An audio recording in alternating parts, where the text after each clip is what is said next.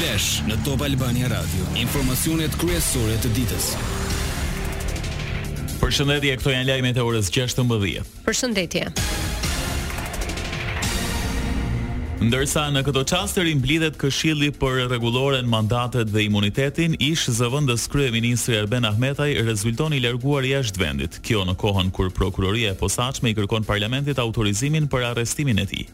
Përmes burimeve zyrtare Zëri i Amerikës konfirmoi se të premten paradite Ahmetaj u largua nga kufiri tokësor drejt Greqisë. Një gjë e tillë ndodhi pikërisht pak orë përpara se prokuroria t'i dërgonte parlamentit shkresën për arrestimin.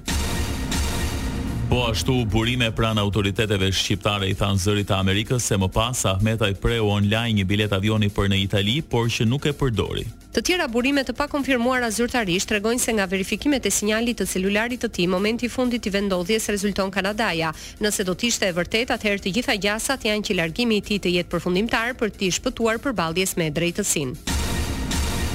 Mes debateve dhe me votat e maxhorancës në Komisionin për Ekonominë u miratua në parim projektligji për legalizimin e kanabisit mjekësor. Deputetët e opozitës akuzuan maxhorancën se shfrytëzuan kuorumin për ta kaluar me shpejtësi.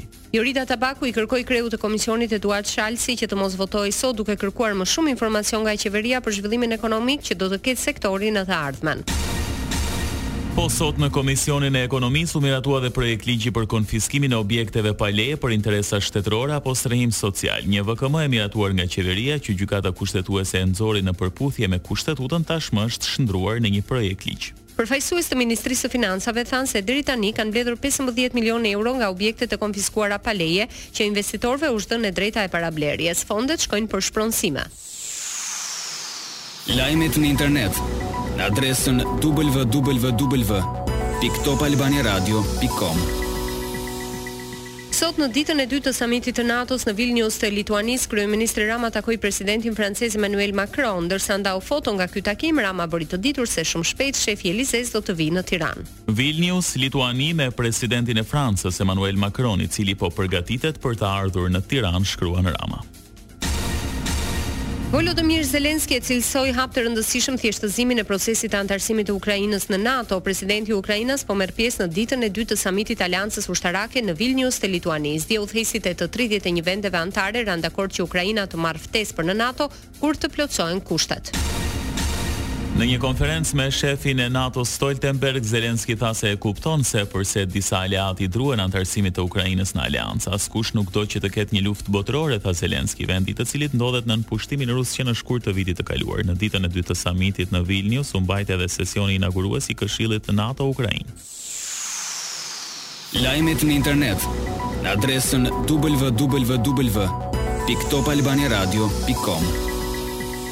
Vrasja e Pjerin Xhuvanit më njëzet e një prill dy mijë e njëzet e një në Elbasan gjykata dënoi me njëzet e dy vjet burg Arbër Paplekajn tre më pak nga sa kërkoi prokuroria. Ish-efektivi Renea sot ishte i pranishëm në seancë. Nga një vit shërbim prove u vendos për dy ish-zëvendësdrejtorët të Policisë së Elbasanit, Albert Nushi dhe Nikollaq Palla. Shërbim prove por gjashtëmbëdhjetë muaj edhe për gjashtë efektivët e shqiponjave, Dedion Duraku, Pëllumb Biçaku, Erion Balla, Erion Meçja, Donald Dedja dhe Besmir Kadriu.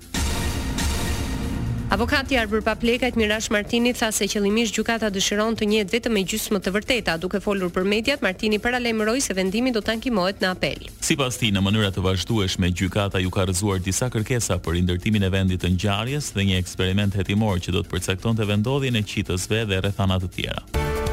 Lajme nga rajoni. Dakortësia mes Kosovës dhe Bashkimit Europian për pikat që synojnë të shtensionojnë situatën në veri do të ndihmojë në përforcimin e fokusit dhe vendosjen e barazisë midis palëve. Kjo theksohet nga kryeministri i Kosovës Albin Kurti, për të cilin palët duhet të kenë mundësinë të negociojnë nga pozicione të barabarta. Dhe sipas tij kjo u cënua prej vendosjes së masave të përkohshme kundër Kosovës nga Bashkimi Evropian. Presidenti serb Aleksandër Vuçiç nuk e komentoi marrëveshjen e dhjetë korrikut mes Bashkimit Europian dhe Kosovës rreth hapave për shtensionimin e situatës në veri, por foli lidhur me kërkesat që komuniteti ndërkombëtar i ka vendosur Beogradit dhe Prishtinës për uljen e tensioneve. Mënyra që kërkohet për shtensionimin e situatës në veri Nuk ka kuptim për mua, tha Vuçiç. Presidentja e Komisionit Europian Ursula von der Leyen i bëri thirrje Kosovës e Serbisë të zbatojnë udhërrëfyesin për shtensionimin e situatës në veri. Nga Lituania, zyrtarja e lartë vuri në dukje se ekziston një plan shumë i qartë dhe i përkushtuar për depërshkallëzimin, një udhërrëfyes për të cilin të dyja palët punuan në fillim të vitit. Lajme nga bota. Presidenti i Iranit, Ibrahim Raisi nisi një turne në Afrikë me ndalesa në Kenia, Ugandë dhe Zimbabve. Ky është i pari udhëtim i këtij lloji nga një kryetar shteti iranian në më shumë se një dekadë në kontinentin afrikan. Po ashtu nënkupton përpjekjet e Iranit për të zgjeruar marrëdhëniet ekonomike dhe për të eksploruar mundësi të reja mes sanksioneve të ashpra amerikane. Ndahet nga jeta shkrimtari i njohur çek Milan Kundera, ishte nëntëdhjetë e katër vjeç, mbi të gjitha i njohur me romanin Lehtësia e padurueshme e qenies, e që në vitin një mijë e nëntëqind e tetëdhjetë e tetë u bë film. Kundera numëron vlerësime të shumta në karrierë. Veprat e tij janë përkthyer në shumë gjuhë të botës, përfshirë shqipen. Konsiderohet si një nga shkrimtarët më të rëndësishëm të shekullit të njëzet. Në vitin një mijë e nëntëqind e shtatëdhjetë e pesë emigroi në Francë, pasi regjimi komunist nuk e kishte me sy të mirë. Parashikimi i motit. Për sot, vendi ynë do të ndikohet nga kushte atmosferike të qëndrueshme. Moti mbetet i kthjellët në të gjithë territorin me përjashtim të vranësirave fare të pakta kalimtare në relievet e larta malore. Temperaturat variojnë nga gjashtëmbëdhjetë në tridhjetë e nëntë gradë Celsius.